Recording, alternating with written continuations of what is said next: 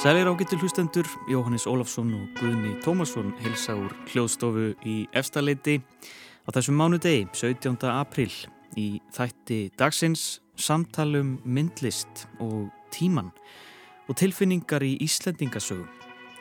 Í hverfiskalleri var opnuð á lögadag síningin Allt er nálagt, þar sem finnum á ný og nýleg verk eftir Kristinn Harðarsson en hann er meðal okkar virtari og mikilvirkari myndtökvara í samtímanum. Verkin hafa öll með sjálfan tíman að gera, hvernig hann streymir áfram á sínum skrikkjóttar haða, hvaðan hann kemur og hvert hann fer. Í teksta sem að fylgir síningunni og Sigmundur Erni Rúnarsson reytar og nefnir tími og fjarlæð, segir meðal annars tímin líður, það er vissa okkar og líklega samfæring, kannski má það ekki minna vera. Frá skríkjandi æskunni kemur hann og fer heldur fálmandi og sjálfsagt er þar eitthvert öryggi komið því tímanum getur ekki verið öðruvísi varið. Hann kemur og fer higlaus og eindregin eins og þráðbein lína skýr og það er hann í eðlisínu frá einum tíma til annars úr austri til vestus og okkur mannkinnu er einhvern veginn komið fyrir innan þessara tímafregu átta. Við hittum myndlistamannin hér eftir stuttastund og það er ekki bara tími í dag, heldur líka tilfinningar Jóhannes. Emitt, nána tilteki tilfinningar í Íslendinga sögunum að gefnu til efni. Eh, að springa af stríði, sorg og sársöki í Íslendinga sögunum er yfirskrift erindis sem Sif Ríkarsdóttir, professor í almennri bókmentafræði, flyttur í Neskirkju á morgun Þar fjallar hann um tilfinningar í þessum sagna arfi Íslendinga og beinir sjónu sínum sérstaklega að byrtingamind sorgar og sársauka. Þetta hefur verið rannsóknarefni hennar á samt fleirum af fræðasveiðinu. Tilfinningar rannsóknir á miðalda textum þar sem tilfinningar eru skoðaðar í sögulegu samingi. Þetta er nýr farvegur, segir hún, inn í þessar gömlu sögur. Við heyrum betur af því hvernig talað er um sorg og sársauka á ólíkum tungumálum ræðum um Sónar Torrek Egil's Skallagrimssonar og tilfinningarík augnabliki í þessum gömlu tekstum Íslandinga sögunum. Já, sem sagt tilfinningar og tími í viðsjá dagsins, það er fín blanda. Fyrst höldum við í hverfisgaleri og finnum þar ferir Kristinn Harðarsson, millistamann. Sko Kristinn, við stöndum hérna við Beck, það sem stendur á Allt er nálægt, sem er heiti síningarnar hérna í hverfisgaleri bara við byrjum á þessari setningu. Hún er poetísk og hérna og svona eh, rugglar aðeins í höstnum á manni kannski.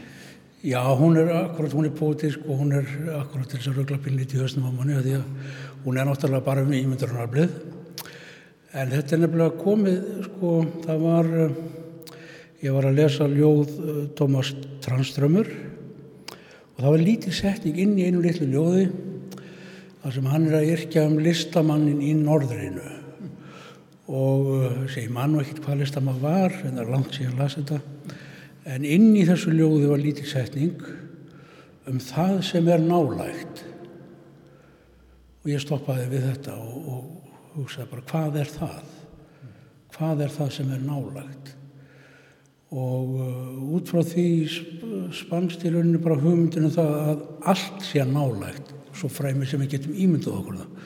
Það er þá allavega í höfðinu og höfðið er nú ekki langt frá manni þannig að, þannig að þar byrjaði þessi leikur með leikur, þetta er náttúrulega þetta er bara gaman, þetta er svona þá, þá, þá varð til einhver, einhver svona hugsun eða einhver orðaforði í kringum ímyndunaraflið og sín, síningin er meira að minna um ímyndunaraflið og tíman og vel tíman sem ímyndað fyrirbæri fyrir hann er, mjög flókið fyrirbæri og við þurfum kannski bara gott ímyndunum til þess átt okkur á því hver hann er eða hvernig hann er, hvernig hann líður og hvernig okkur líður í honum og svo framvegis.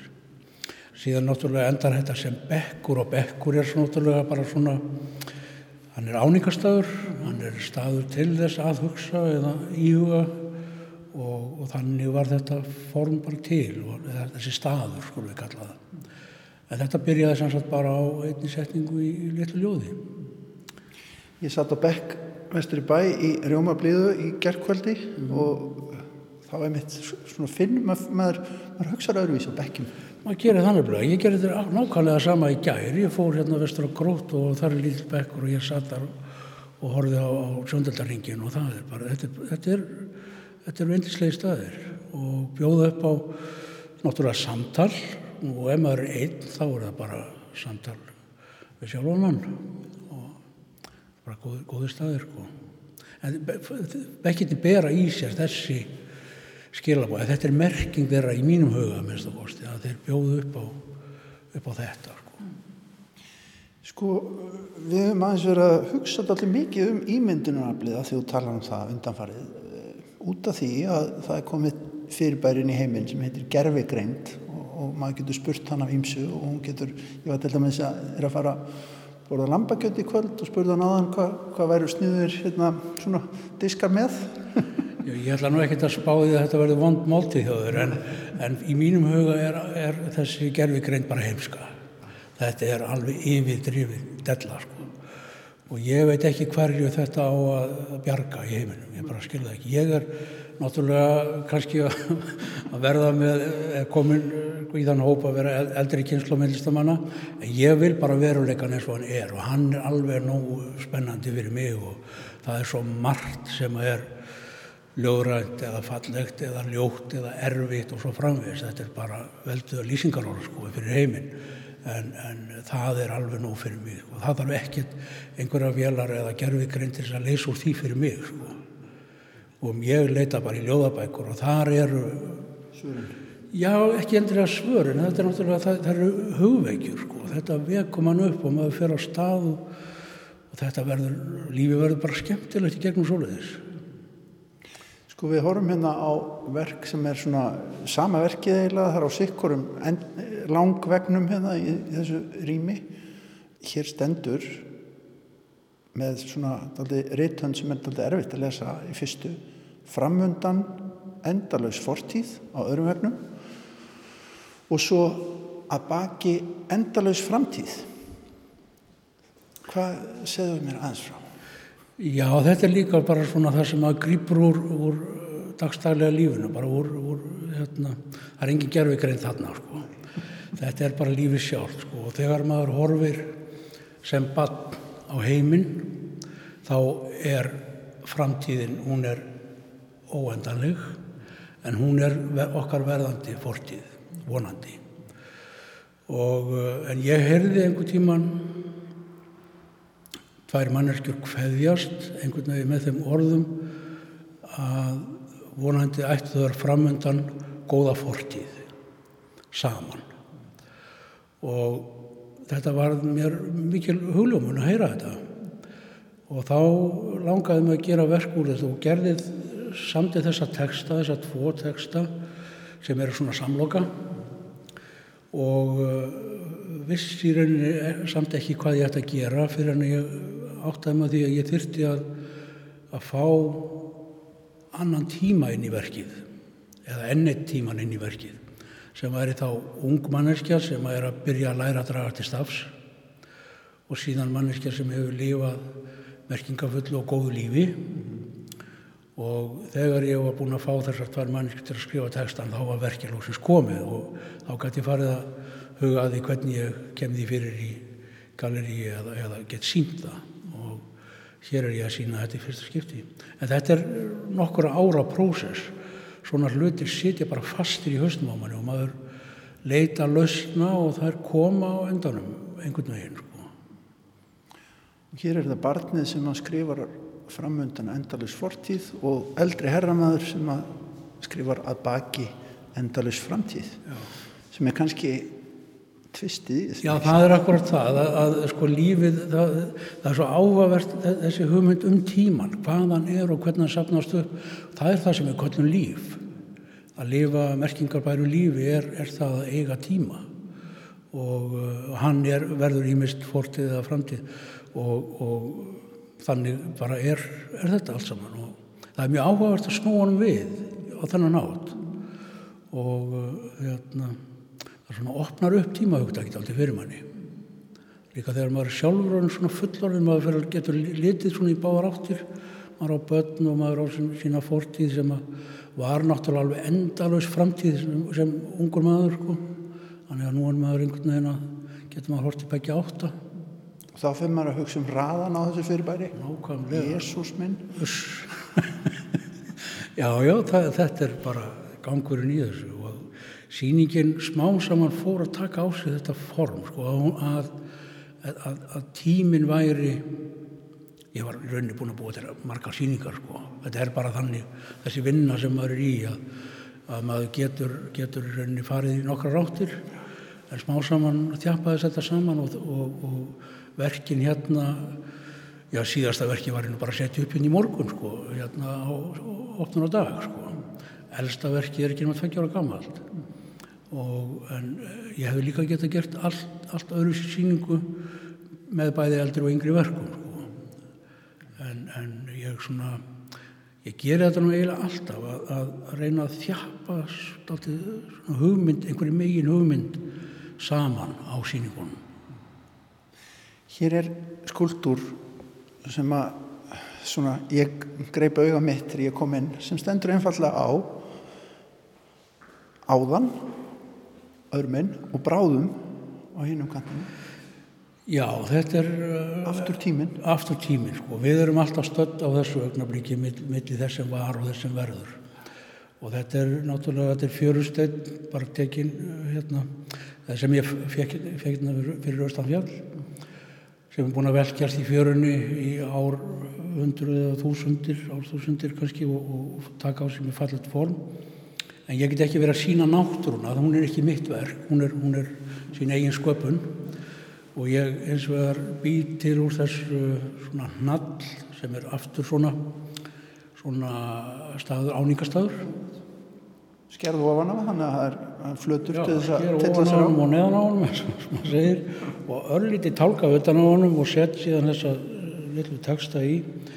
Og, og það er merkilega, sko, ég var byrjar á þessu verki þegar Sigmundur Ernir skrifaði texta um, um síninguna, við erum uh, vinir til 45 ára, ég veit ekki hvað, og þá rakst ég á það inn í textan í honum að hann notaði þessi hugtök áðan og bráðum ég var með var og verður mér finnst það miklu mýkri hugtök hjá sumundi og ég tók það bara beint úr textanum og setti það á skúlturinn og kláraði hann bara núna bara í vikunni sko. og mér fannst það svona ágættis samtal við, við Sigmund, Sigmund sko, að, að setja þetta inn í verkið Þessi tvö orð, hérna, orkat aldrei mismunandi á mann. Uh, manni finnst í rauninni áðan pínu sorglegt en bráðum er alveg rosalega mikil von í Já, þessu orði. Já, þetta er nú merkilegu punktur sem hún kemur með verna þess að tungumálið er svo lígilega spennandi. Það er, er sko núansar í tungumálinu sem eru bara ofinberandi og ég var nú að lesa bara nú um daginn hérna, mjög merkilega grein á BBC um það hvernig tíminn virtist í tungumálinu og menningarsamfélögum sem er mjög ólíkt. Hvort að tíminn líður frá vinstri til hægri eða, eða hægri til vinstri og hvort að framtíðin er fyrir framann okkur eða aftan í sumum menningarsamfélagum eru fyrir aftan af því að þú sér þann ekki en við, við sjáum að við getum sett eitthvað inn í framtíðina því hún er fyrir framann okkur í nútímanum. Og, og síðan er það sko alls konar aðrir hlutir sko hvernig hérna við sjáum tíman líða upp eða niður líka. Og, og þetta er mjög ólíkt eftir menningarsamfélagum tvítingt fólk, það getur lengt í alls konar áreifsturum í kollinum. Og, og þetta, er, þetta er bara skemmtilegt og tungumál er alveg ótrúlega ríkur heimur að sækja inn í Hvernig heldur að, að hérna, svona þjóðarsál okkar Íslandinga byrtist í því hvernig við hugsun um tíman? Gefum við honum gaum á einhvern ákveðin hátt heldur? Ég veit það ekki, ég held nú að, að sko, þetta sé allt saman einhvern veginn að breytast og þú talaður á þannig um þessa gerfugrind og ég held að þessi síndarveruleiki og svona þetta sé allt saman einhvern veginn að breyta sín okkar á ymsarluti og kannski líka tíman. Tímin er orðin annar heldur en, sko ég er alveg upp við sjáasíðuna og, að hluta til var ég á sjó, ég var á sjó sem ungum aður. Þar erum við bara að tala um sjávarföll og við erum að tala um tunglið og við erum að tala um kosmíska krafta og svona og það, er allt annað heldur en að ungt fólk er eða fólk almennt er að tala um varandi tíman í dag. En það er besti staður, en við vorum að tala um bekki við sjáarsíðan á, það er besti staður en þess að íhuga þetta. Já, þetta er akkurat íhugunarstaður sko, þetta er mjög stórt og mínar, uh, ég, þetta er fymta síningi minn hérna í þessu galleri og, og það er, hinnar hafa snúist alltaf um tíman og meðan annars um hafið og siglingafræði og ymmislegt sem hefur bara leitt mig áfram á, á þennan stað sko. Þetta er náttúrulega gömul og góð uh, viðfáðsefni mynd okkar að fjallum tíman og rýmið sko og hvernig við finnum okkur stað í veröldinni. Það er nú svona, það eru stóru viðfáðsefnin í rauninni. Ekki smá eins. En við röllt áfram hérna yfir í hinn, sko, salin, hérna ertu með tvær ljósmyndir upp á vegg, þar sem að stendur öldurnar og aldirnar. Skemmtilegur orðalegur. Þetta er nú bara í fjörunni fyrir neðan heima hjá mér sko, en þetta er svona verk kvikna ekki af sjálfuð sér. Ég, náttúrulega, eins og ég saði við áðan, ég les ljóðabækur og er, þetta er, þetta er nánast bein, þetta er ekki beintilvutnun, en þetta er tilvutnun í ljóð og, og það, þetta er, já, já, þetta er bara svo heimur sem ég lifi á hræðist í sko, og, og það er þessi, þessi hægi tími, það er nú ekki hraðin í þessu, þetta er nú bara hvernig öldugjálrið er og síðan hvernig öldurnar og, og tímin brjóta niður, brjóta niður fjörusteinuna og búa, búa til sand og, og þannig er nú gangurinn í þessu sko. Þetta er rosalega fallet verk. Já, takk fyrir það. Eins og þetta allt saman. En förum hérna yfir í... Hér er, hér er þetta litla verðina og þetta, þessi litli stein hérna. Þetta er nú dálítið, menn hafa dálítið stoppað við þetta orð hérna. Hér stendur. Vafabið. Vafabið. Vafabið, já. Og, og þetta, er, þetta er líka, þetta er innan úr ljóði líka. Þetta er bara eitt stakt orð innan úr og, og mér, er bara kunnugt um tvö skáld sem hafa notað þetta orð og það getur vel verið að annars skáldi hafi fundið bólið. Ég veit það ekki. Hver eru það? Já, það er Stefán G. Stefansson og, og Þorstedt frá Hamri.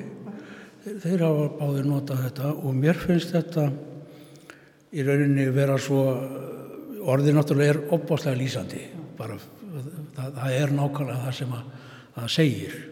Vafi í, í, í byðinni? Já, eða maður býður í vafa, eða, eða staðurinn er í rauninni sá að maður veit ekki, maður veit ekki Nei. hvað var, eða hvað verður í rauninni frekar. Allt óljóst? Það er, já, það er frekar, en það er ekki, það er ekki svona, þetta er svo mjúkt, þetta er einhvern veginn svo nærfærið. Fallet orð? Mjög fallet orð og, og ég, ég, ég er bara svo skotin í ég, ég bara varða að einhvern veginn að nota, mm -hmm. nota í, í verk, sko. Svo ertu hérna í báðum rýmum gallerísins eða báðum herbyggjum eða hvernig sem orðum það uh, og áfram tíminn í tímanum, tíminn handan tímans tíminn fyrir tíman og skúltúrar upp á vegg er með. Já, þetta er nú sko veit ekki alveg hvað ég á að byrja í þessu sko, því að sko, þetta, er, þetta er hérna uh, þetta er hansi laungsaga ef maður fyrir út í hann alla en, en svona í stuttaversjónu var nú kannski svo að svona sko kosmísk fræði ekki endilega fræði eða svona alheims umræða skulum við segja sko. hún byggir mjög mikið á hugmyndafluginu sem við byrjuðum á, á, á fyrsta verkinu og hvernig maður getur sett tíman inn í þessa, þessa alheims skilning af alheiminum þegar ég er að byrja að lesa um þetta og lesa Stephen Hawking og allt þetta sögu tímans og þetta þá segir hann einhverstað í bókinni að að tíminn fyrir miklakvæll hafi í rauninni ekki verið, að tíminn hafi orðið til við miklakvæll. Þar áður hafa ekki haft neina merkingu. Það, það er, og það þýði ekki að vera veltað því fyrir sér og þetta sé bara merkingalöst skeið.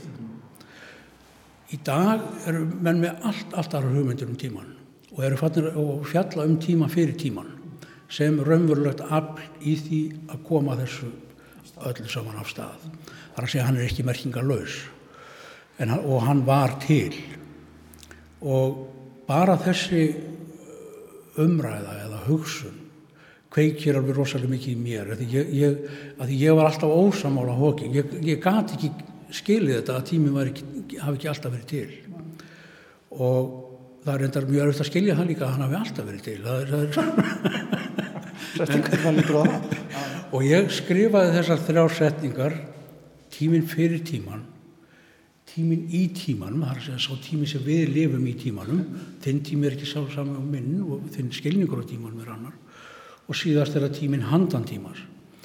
Og það sem að á meðan ég var að velta þessu fyrir mig þá fór ég að króta eitthvað á, á blað og yfirleitt það sem ég teikna er þrývít ég sé það alltaf sem þrývít og, og þegar ég horfði á þetta krót allt saman þá hugsaði ok, þetta er þá tíminn. Hann er þá bara svona. Fór í átsmiðju og fekk menn til þess að beigja fyrir mig og sveia rör og, og búa til spírala og tegja þá og toga það múti hverki vera regla. Hverki hreinir bogar alltaf óreglulegar sveigur og út úr þessu koma þessar tegningar á, upp á vegg. Og, við, og ég þurfti sem sagt hvað ég var að segja mjög góða hjálpsmiði með mér í þetta og, og þetta var bara Þetta var bara mjög skemmtilegt og ég var, eins og ég sagði við á, ég var bara að klára síðasta verki í morgun hérna að setja það hérna upp og ég hef aldrei, séð þessi verk áður. Ég er jafn nýr hérna á, á, á síningunni eins og hver annar gestur. Sko, sko Kristinn, við auðvitað erum búin að, er, verkðín eru þess aðeins sem að fyrir alltaf að lesa þau, lesa textana. Ég rækst nú eitt áðan bara hérna á leiðinu upp yfir sem er út á sögugötu koma vera fara koma vera fara. Akkurat og maður lesa alltaf, maður verður að lesa. Og hér stendur það var hér og það er hér stóra samhengið. Já. að lokum. Já. stóra samhengi, kontu með það. Já, hvað, hvert er stóra samhengi ég hef nokkur sem gert verk sem að, að, að mér finnst áhugavert að klára með einhverjum öðrum og þetta er eitt af þeim verkum. Ég, ég gerði þetta fyrir tveimur ára síðan og þá sagt, gerði ég að reynda fyrir síningu og, og sem var í Dölun fyrir vestan og, og ég setti þetta verk á fæðingasta afamís í Ljáskóaselli í, í, í Dölum. Það stóð verkið hérna, eitt sumar.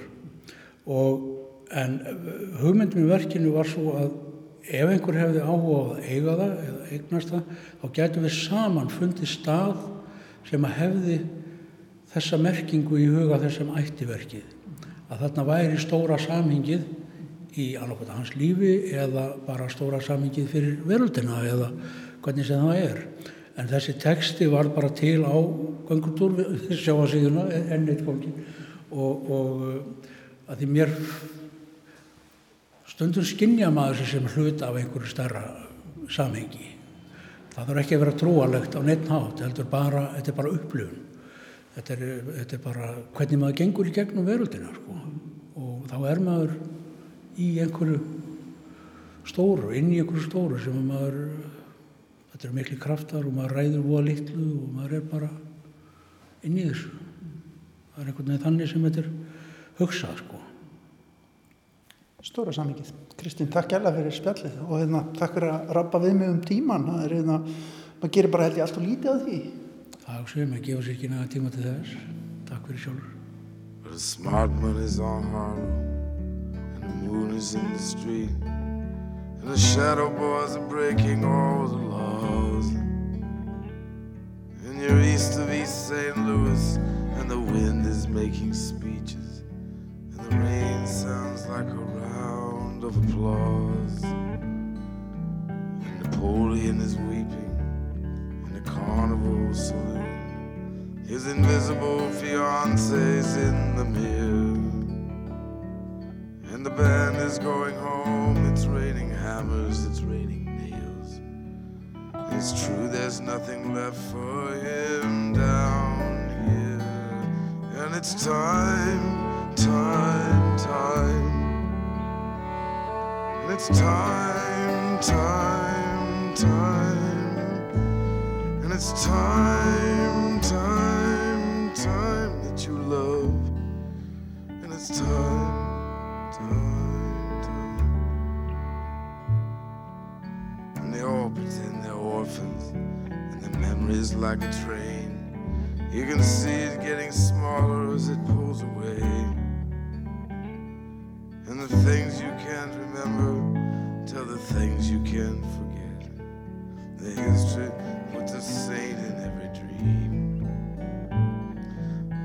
she said she'd stick around until the bandages came off. But these mama's boys just don't know when to quit. And Matilda asked the sailors, all those dreams or all those prayers. So close your eyes, son, and this won't hurt a bit. Oh, it's time, time, time. And it's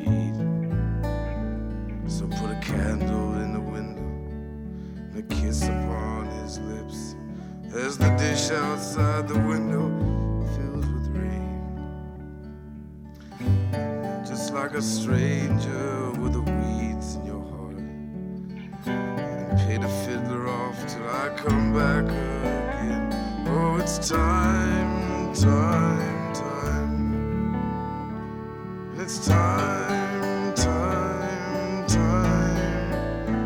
And it's time, time, time that you love. And it's time, time, time. And it's time, time, time.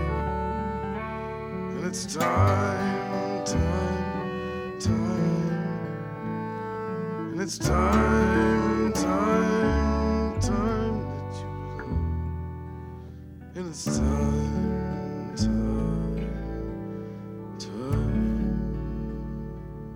Þetta var Tom Waits, lagið Time af blötunni Rain Dogs hér á eftir spjallokkar við Kristinn Harðarsson myndlistamann sem að nú sýnir verk sín tímatengt verk í hverfisgalleri. En frá tal um tíman förum við yfir í tal um tilfinningar. Jóhannes tekur við. Hjá mér situr Sif Ríkarsdóttir, profesor í almennri bókmyndafræði. Uh, hún flyttur á morgun erindi sem kallast að springa af stríði, sorg og sársöki í Íslendingasögum. Og þar fjallar hún um tilfinningar í Íslendingasögum og beinir sjónum sínum sérstaklega að uh, byrtingamind, sorgar og sársauka. Sif, verðu hjertalega velkomin. Já, takk fyrir það og takk fyrir að bjóða mér. Uh, Íslandingasögurnar, sko, er þetta algjörlega botlaus brunnur af uh, rannsóknarefnum og, og er, er endalust þetta að velta þessu fyrir sér? Já, ég held eiginlega að megi segja það. það, það virðist vera einhvern veginn að, að, hérna, að það sé alltaf hægt að nálgast þær á nýjan hátt með nýja nálgunaðferðir og nýjar hugmyndir og, og eins og þú segir, það eru eiginlega óendanlegu brunnur mm. af hugmyndum og, og upplifunum og skinjunum og upplýsingum um miðaldir og, og fortíð okkar. Mér finnst alltaf ég merkilegt þegar maður sér til dæmis svona erindi eða reittgerðir eða annað þar sem maður verið að sína, sko bregða byrtu á eitthvað efni og maður bara já, ég hef aldrei pælt í þessu. Er þetta efni sorg og, og sársöki, þetta, hefur þetta verið lítið rannsakað í Íslandingasögum? Um, sorg kannski í raun ekki en það er náttúrulega uh, mikið eins og bara eddukvæðin, kannski ekki endilega í Íslandingasögunum en Uh, ef við tölum meddukvæðin þá er auðvitað mikið það sem er verið að, að svona mikið af sorg uh, og, og, og að tjá hana mm. og einhver leiti hefur það verið rannsaka en ekki kannski ekki í þessu samhengi þessara tilfinningar ansókna, þessara nýju stefnu í raunum um, að skoða tilfinningar í sögulegu samhengi þannig að það hefur þá meira verið rannsaka sem svona kannski um, í samhengi af íslendingasögunum eða í samhengi af eddukvæðunum og sem þá kannski mögulega málvísendalegt fyrirbæri sem sögulegt fyrirbæri en, en þetta er svona kannski nú er, ég, nú er þessi nýja stefna svona kannski þessar tilfinningaransóknir og, mm. og þá hefur og þá náttúrulega höfum við nýjan svona farveg inn í okkar gömlu hérna, bókmyndir mm -hmm. og að íhuga einmitt eitthvað bókmyndir sem við töldum vera frekar tilfinningarlausar uh, svona mm -hmm. almennt séð og uppgöta það er í raun mjög mikið af tilfinningum til mhm. staðar uh, og hvað það segir okkur og hvernig þeim er miðla í raun. Já, eins og segir sko samtíminn kallar alltaf á nýtt og nýtt efni, einhvern veginn lítum alltaf á hlutina með nýjum og nýjum glerugum, en það ekki? Já, já, jú, já, við náttúrulega höfum, það er svona kannski að einhver leiti náttúrulega endur speiklar þetta kannski á, svona á, áhuga samtímans, það, hvaða, hvaða er sem að einhverjum, einhverjum punkti var til dæmis að tala um um, þjóðerni og þjóðernis tilfinningar og svo framvegis eða mm. það var eitthvað sem skipti okkur máli um, og svo einhverjum punkti að fara að skoða kannski þetta með konur, byrtingabinn hvenna í tengslum við feminisma og svo framvegis þannig ég held svona einhver leiti má auðvitað sjá að við það sem við erum að rannsaka á hverjum punkti er oft ákveðin svona endur speiklun á því sem að samfélagið hefur annarkvæmt áhuga á eða það sem er að gerjast innan samfélags. Nú er til dæmis verið að skoða vistræna nálgun og svo frammeðis það sem að ýmsar upplýsingar um, um hérna, bæði um hvernig um, um náttúrunna og, og svo frammeðis og, og hérna ámiðöldum og hvernig var hugsaðum hana þannig að Og, og tilfinningar held ég ramt, sko tilfinningar náttúrulega er eitthvað sem við höfum öll upplifað og, og búa með okkur og hafa alltaf búið með okkur. Og ég held í raun höfum alltaf haft áhuga á tilfinningum en það hefur kannski aldrei verið rannsóknarsvið sem slíkt. Þar að segja að einblýna á tilfinningar. Fólk hefur meira hugsað um personur og personuleika, uh, hvers konar personuleik er hallgerður, hvers konar personuleik er njál og svo framvegis en ekki beint á hlutverk tilfinninga bæði í samfélagi og í mannlegum samskiptum og í bókmyndum.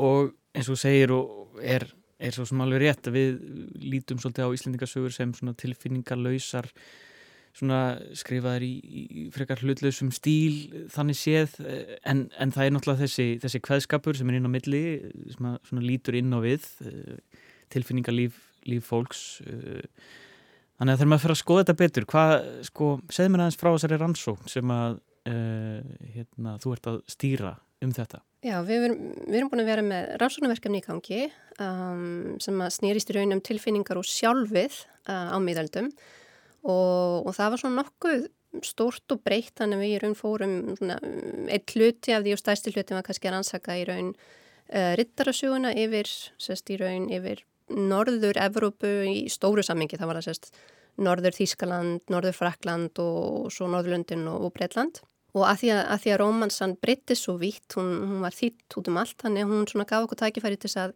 bera saman á mismunandi tungumálum um, mismunandi útfæslur og það náttúrulega gefur okkur líka til kynna, gefur til kynna hvernig ákveðna menningar hugsuðum tilfinningar, hvernig að miðluðu þeim, mm. uh, bókmyndategundir, hvernig þær tókust á við tilfinningar og tungumál, ekki síst, um, hvernig mismunandi tungumál miðluðu þessum hlutum um, og, og svona kannski aðal útgangspunkturinn var uh, svona kannski þessu útgangsteória okkar að það væri hægt að nálgast í raun hugmyndur um sjálf og sjálfsvitund og sjálfs svona veru í gegnum tilfinningar. Það er að segja að mm. þú ert með personu í, í, í bók um, sem er að upplifa tilfinningar að það gefur okkur til kynna sem lesendur eða áheyrindur mm.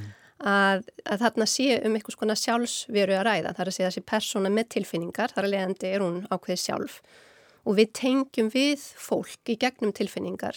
Það er að segja við erum við sem bara sem mannlega verur upplifum samkend Við finnum til með fólki, við tengjumst tilfinningaböndum og á því byggjast í raun samfélög og, og, hérna, og fjölskyldubönd og, og ástarsambönd og svo frammeðis. Mm. Þannig að við erum vörpum þessu sama, það, það sem við gerum með aðrar mannverur, við vörpum því í raun yfir á bækurnar og gefum okkur svona einn eða annan hátt að, að þessi persóna sé í raun eins og önnu persóna og finnum til með henni og og vonum semst óskum þeir ansins besta og svona og, og náttúrulega getum bara sjálf orðið fyrir áfalli ef að til dæmis persónu degja sem við höldum mikið upp á og svo, svo framvegist. Lífum okkur inn í það. Við lífum okkur inn í það, já. Akkurat. En þessi stærri rannsókn, sko, er, er eitthvað munur þar á svæðum? Ég menna, er eitthvað, er eitthvað tilfinningaríkari svæði hérna, heldur, heldur en annars þar? Já, mjög, í raun mjög mikill munur og við byrjum nú á því að, að hérna, við fengum, við vorum með svona vinnustofur sem voru svæðisbundnar þannig við fengum til okkar um, hérna, byrjum með vinnustofum með svona þetta þýsku mælandi svæði eða það sem er kallað Germanic. Uh, þannig að það var hollenska málsvæðið og þýsku mælandi málsvæðið. Mm. og, og það fyrsta í raun sem var mjög aðtilsvægt að koma í ljós er bara þessi, þessi útgangspunktur okkar um sjálfið að það orð var bara einfallega ekki til í þýsku og ekki til í hollensku okay. svo við sattum uppi með sko fræðimenn sem að segja, já en hvað meinar með sjálfis hvað, og þá kom svona hugmyndi var þetta identitet, eitthvað svona svona hérna En sem, sem við eigum síðan ekkit rosalega gott orð yfir. Nei, nákvæmlega. Það er bara sjálfsmynd eða eitthvað annað sko, Þannig að þetta var svona, þannig að allt í einu sko bara orðaforðin sem við höfum yfir hugtök mm. uh, og upplifanir og skinjanir og, og, og svona hérna e, mótar það náttúrulega hvernig við nálgumst þessa hluti þannig ef þú ert ekki með hugtak yfir sjálf í einhverju tungumáli ertu þá meðvitaður um að það sé sjálf eða er það bara skilið einhvern veginn og allt annan hátt þannig við rákum, rákum strax á þarna með að við þurftum einhvern veginn að byrja á því að tala um sko hvað er sjálfið mm. sem við vorum svo sem búin að gera en við þurftum að tala um það líka út frá í raun svona hérna málfræðilegum eða málvísnandilegum fórsendum líka Já. og svo, svo heldum við áfram við gerum þetta líka saman með, með franskumælandi og svo öll, öll málinn í hérna á Breisku eða í Breitlandi sagt með, með, með keltnesku málinn og, og, og miðensku og, og eins og ég segi það eru, það eru mismunandi hugtök fyrir sjálf eða sjálfveru eða mm. sjálfvitund um, og tilfinningar er svo sem til í raun öllum tungumálunum en, en það er líka ákveðin menningamismunur um, til dæmis er orðið eins og emotion á ennsku er sleitt af, af latnesku og, og er til í raun á flestum tungumann þannig að, að hérna, eh, emótsjóni og ítölsku emótsjóni, fransku og svo framvegs mm. og við erum til dæmis með sko, tilfinningar um, ekki einhvers konar emósjón og, og það sjálf líka sko, tilfinninga þannig að, að hérna, í ennsku til dæmis greinta milli emotion og feeling og þetta eru tvö sérst emotion eins, eins konar kannski maður segja svona yfir hugtak og tilfinningar eru í raun upplifunin á hverjum punkti fyrir sig. En á íslensku eru bara með tilfinningar fyrir bæði sérst, þessa, þessa upplifun af, af þessar, og þetta hugtak í raun eins og, eins og emotion. Mm -hmm. og tilfinningar alltaf kemur af að finna til. Þannig að það, er, það tengist á ferbeint sérst okkar hugreiningatengsl eru inn í skinnjun Þannig allt þetta hefur áhrif á hvernig við hérna, bæði upplifum og hugsaum um og, og, og tölum um, um tilfinningar og annað. En ef við lítum þá bara á sorg og sársöki sem eru mjög sterkar tilfinningar og, og lítum til Íslendingasagnuna sem eru skipta tögum og kannski ekki hægt að segja eitthvað eitt um þær allar en, en uh, það er auðvitað gegnum gangandi það er fólk uh, missir ástvinni uh, það, er, það er mikil harmur, það er mikil ofbeldi. Mm -hmm og svo bara reyði og hemdarhugur og þú veist, það er, svona, það er margt að skoða. En um, hvað, hvenar er helst einhvern veginn pláss fyrir þessar, þessar personur til að uh, sirkja og, og, og finna til? Sem er náttúrulega þetta orð til finningar Já.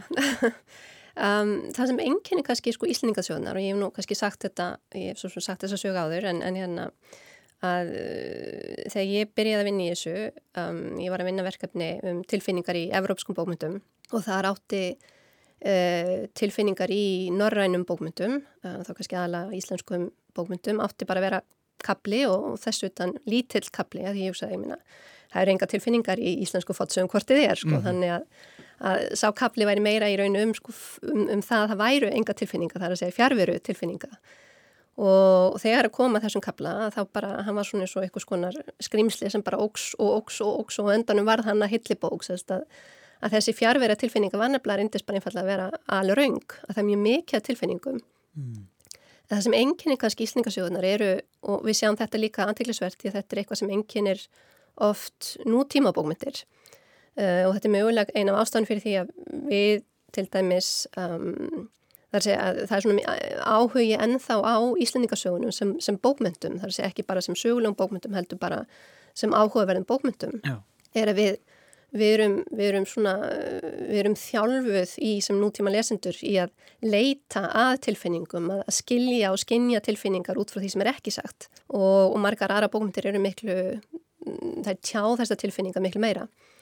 En þannig að fjárveran er kannski sko, hún er fjárvera á tilfinninga orðum Þannig það er hlutvarslega lítið af tilfinninga orðum en á móti kemur það mjög mikið af tilfinningum og það eru bara einfallega síndar öðru sín. Þannig að þú lest í, í viðbröð fólks, þú lest í þagnir, um, oft er þetta líkamlega viðbröð, það er að segja personur svitna, um, það gefur yfirleitt eitthvað til kynna, það er mjög eitthvað mikið að gerast þegar mm -hmm. það byrja að svitna, það eru verða rauðar í framann ja. eða, og stundum ég að tala um að það er grænar eða svartar en rauður er mjög algengur, það er oft gefur ofti kynna að persóna er reið. Mm. og, og, og í einhverju tilfellum er þetta myndrænt. Að tala um til dæmis að líka með belgist út. Við sjáum það náttúrulega hjá, hjá Agli til dæmis. Þegar, að, þegar hann missi svon sinna þá sjáum við að tala um að, líka með tútni út. Eða í raunir ekki tala um að líka með tútni þetta heldur að, að fötinn springi á honum. Þannig að hérna, við sjáum sérst í raunin þessi að hann þrútni og, og þá við hugsaum að þrútna af sorg er náttúrulega eitthvað sem við sjáum fyrir okkur. Já vera grátt bólgin líka. Já, einmitt, þessar, þessar hugmyndir í raunum um tilfinningar sem, sem sitja ennþá í, í, í málinu myndrænar hugmyndir mm -hmm. um í raun að belgjast út af sorg Er sonartorg þá, eh, ég meina, er það ekki svona frægasti sorgarkablin í uh, öllum þessum eða hvað er, hva, hvað er sorglegasti kablin í, í Íslandingarsónum? Sonartorg er náttúrulega mjög einstakt vegna þess að það er uh, þarna höfu í raun svona Við höfum í raun akkurat það sem, að, það sem verkefni var að leita, það er að segja sjálf. Við höfum sjálf sem er einmitt að tala um eigin tilfinningar og eigin upplifanir, hvort sem að það var eigill eða er bara einhvers konar sögurödd, uh, einhver höfundu sem að setja saman setna í, og, og eigna það, allir. Mm.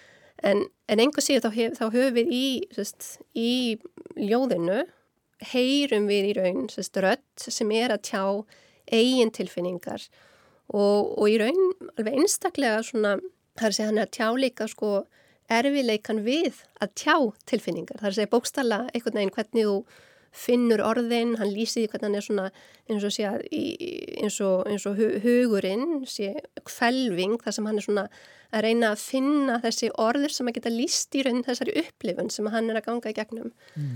um, og svo erfileikarnir við í raun að fá munnin eða, eða tunguna, það er að segja ég raun að fá líkamann til þess að sko að gera það sem hann á að gera, það er að segja að, að, að tjá, fara, að fara með hvæðið, það er að segja mm. tjá í raun uh, tilfinningarna, sorgina.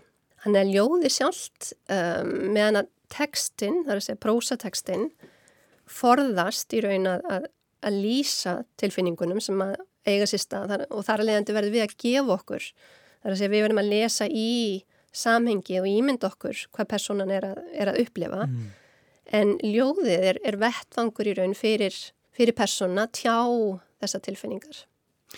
Emmitt er, sko, er mikið vitað um þetta í sögulegu samhengi bara hvernig, þú talar um til dæmis hvernig þetta er mismundi í tungumálinu en svona bara hvernig fólk talaði um tilfinningar, hvort það hafi verið opinskátt eða, eða, eða ekki eða þú veist uh, horfðist í augu við uh, vondar tilfinningar og jáfnvel reyndi einhvern veginn að leysa úr þeim sko, sko með hvaða með hvaða hætti var einhvern veginn lítið á tilfinningar, hvað er vitað um það? Uh, þannig að þetta er svona búið að vera kannski núna í deglunni mjög mikið og hefur mikið láhuga á undarfærin og ekki mjög langt síðan þetta svona byrjaði kannski þessar tilfinningar ásóknir og, og áherslan hefur kannski einmitt verið á sagt, út frá sko, tilfinningar ásóknum í nútímanum yfir í sögulega tilfinningaransóknir. Það er að segja að, að við áttum okkur á að tilfinningar eru sögulegt fyrirbæri uh, og þetta er líka svona eitthvað sem við kannski gefum okkur að ég upplifi reyði, sorg og svo framvegis og að allir hafi upplifað reið, reyði, sorg og svo framvegis og sama hátt og ég og, og, mm. og það í því likur í raun svona miskilningunum að, að tilfinningar eru í raun mjög menningabundnar. Það eru mjög mótar af því til dæmis málinu sem við notum til þess að tjá það. Það eru bundnar af meðan annars bókmyndum, ef við hugsaum um íslendingarsögurnar. Það má segja að það hefði mögulega bæði endurspegla kannski að einhver leiti eða jafnvel kent fólki hvernig það ætti að haga sér í ákveðnum aðstæðum. Mm. Þannig er endurspegla svona ákveðna hugmyndafræði um meðal annars mm, kallmannlega hegðun, kvenlega hegðun og svo framvegis um, og þeim er miðla í gegnum tilfinningar. Þannig að þannig að þessar ansóknir kannski, þannig að reyna að leytast við að setja hluti í sögulegt samingi og skilja sér að, að þær tilfinningar sem verið að miðla í Íslendingasögunum, við auðvitað tengjum við þar í dag en við erum auðvitað að varpa okkar eigin hugmyndum um tilfinningar yfir á sögurnar en hins sem má sjá náttúrulega í sögunum sjálfum að það er ákveðin tilfinningaheimur sem að sögurnar búa yfir og, og þá maður hægt að lesa í hann út frá tilfinningu orðum og, og merkingu þeirra viðbröðum fórs og frammeðis, eða mm. viðbröðum persóna í sögunum. Einmitt. Já, maður verður að gera þarna greina mun. Sjálfsög. En sko, hvernig er með þetta sársöka? Nú erum við búin að tala um sorg. Uh, sársöki, er það allt öðruvísi, uh, byrtist hann öðruvísi í, í Íslendikasögum? Sársöki er náttúrulega mjög aðeinsvægt fyrir bæri, en þess að við hugsaum, sko, þetta er náttúrulega eitthvað sem við öll upplifum, þetta er samanlegt uh, og það má segja að það séu kannski bara örfáir einstaklingar sem upplifa aldrei og þá er ég að tala um líkamnaðan sársöka mm -hmm. uh, sem eru einstaklingar sem eru fættir með, með svona hérna meðfætt ónæmi uh, við sársöka sem er í raun genagalli og eða genetískur galli um, að sársöki er náttúrulega uh, eitthvað sem við tiljum öll að sé fyrir eitthvað neikvægt að uh, enginn upplifa sársöka mm -hmm. og, og eitthvað sem við, ég myndi segja líka við teljum öll að við vitum hvað sársöki er við, höfum öll upplifa sársöka bara þetta tannlæknis eða dottið, handlegsbrotnað og svo frammi, sér bara einfallega höfverkur mm -hmm. um, en ef við ef ég spyr til dæmis hvað er sásöki þá er líklegt að, að þú væri meina hugmynd, ég aðra og væntalega allir, allir hlustendur með sína hugmyndum hvað sásöki er þannig að það er mjög erfitt að, að í raun að ná svona einhvers konar einni skilgreiningu á sásöki og þó að við teljum okkur allir vita hvað sásöki er mm -hmm. þá spyr maður sér til dæmis, ég meina, er sásöki tilfinning? Um, og minn útgáðsmáttur er náttúrulega já að, ekki sé tilfinning en hann er líka svolítið sko ólíku tilfinningum að því leiti við erum að tala um uh, taugabóð í raun mm. því að mm. sást ekki er náttúrulega einhver leiti byggður á taugabóðum um líkamann uh, hann er skinnjun því hann byggist náttúrulega á við skinnjum sásukan og við upplifum sásukan og hann er tilfinning að því leiti að, við, að hann er einhvers konar tilfinning og þannig að sást ekki mjög skemmtilegt fyrirbæri og kannski skemmtilegt að taka það í svona miðalda samhengi vegna þess að skarast í raun mm, læknavísindi, heimsbyggi, sálfræði og bókmyndir. Því að ef við hugsaum, minna, ef við hugsaum um sársöka, eini vegurinn sársöki er alltaf personubundin. Við, við upplifum öll sársöka ein og sér, þannig að hann er mjög svona uh, huglægur á einhver leiti. Já og við hugsaum meira sér eins og í læknavísundum þegar við erum að mæla sársöka það komur svona spjald með, jú, kannski sé þetta með, með brosandi köllum og óhamingisum köllum og það sem þetta er frá hvað, kannski einum upp í tíu eða eitthvað svo leis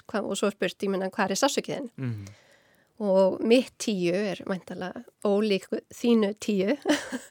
Og aftur ólíkt tíu allra hlustunda þannig að, að Þannig að sjáum við aftursest að með sársöku erum við í raun að mæla huglæga upplifun af þessum tögabóðum og skinnjun okkar á þessum tögabóðum. Mm. Um, þannig að og, og þegar við fyrir að útskýra hvernig, hvernig upplifur sársöku er þetta stingur, uh, ertu með verk, ertu með þrýsting, hvað, og þegar ég byrja að lýsa þessu þá, þá snýst þetta aftur um tungumálið.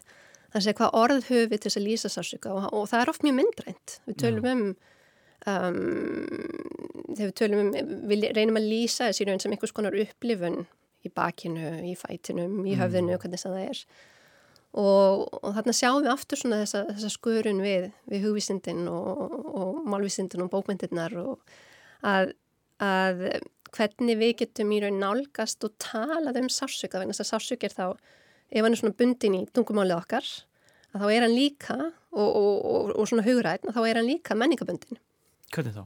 Ef við hugsaum til dæmis um sérst, hlutverk er að segja hvernig við upplifum sársöki í dag. Sérst, mm, við vitum að sársöki er í raun líffræðilega gegn í því hlutverki verði okkur. Mm. Það er að segja við setjum hendina á uh, heitapönnu til dæmis eða plötu að þá fá við, við fáum taugabóð til þess að verja, þannig við kipum á okkur hendinni og það gerist í raun á, við erum búin að hugsa um það að við séum hendina á plötunni og það sé nú kannski ekki skynsalegt og við ættum að lifta henni af. Þannig að mm. þessi viðbröð gerast mjög hrætt og þannig að sársöki sjálfu sér sem, sem lífaræðilegt fyrir bæri er, er, er, er í raun til þess að vernda líkamann.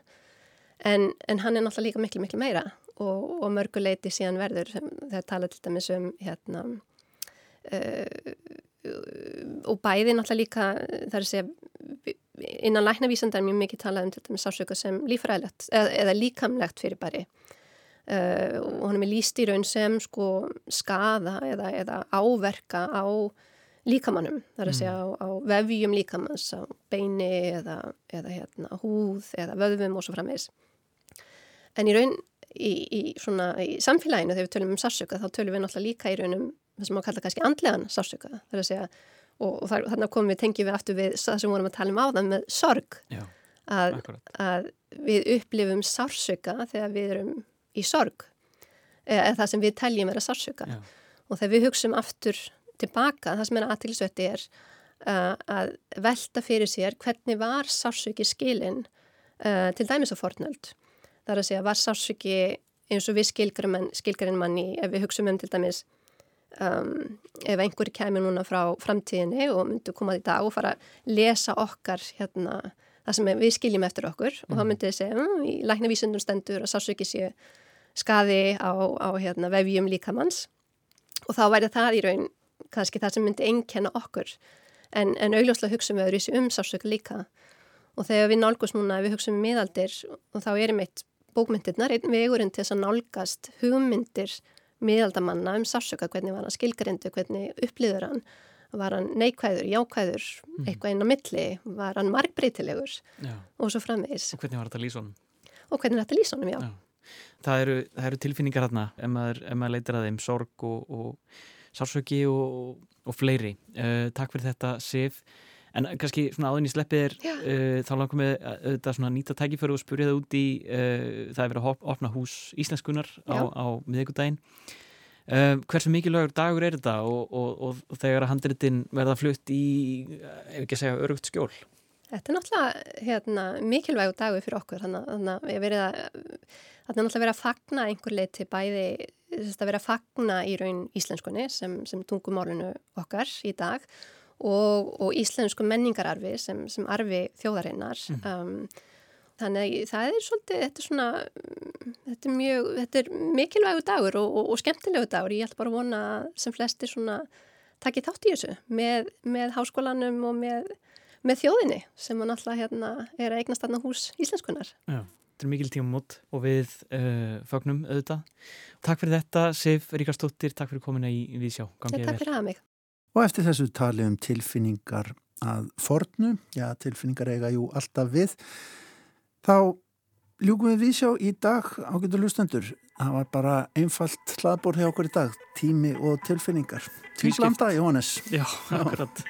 En vísjá verður hér á sama tíma á morgun. Takk fyrir samfélgina. Verðið sæl. Verðið sæl.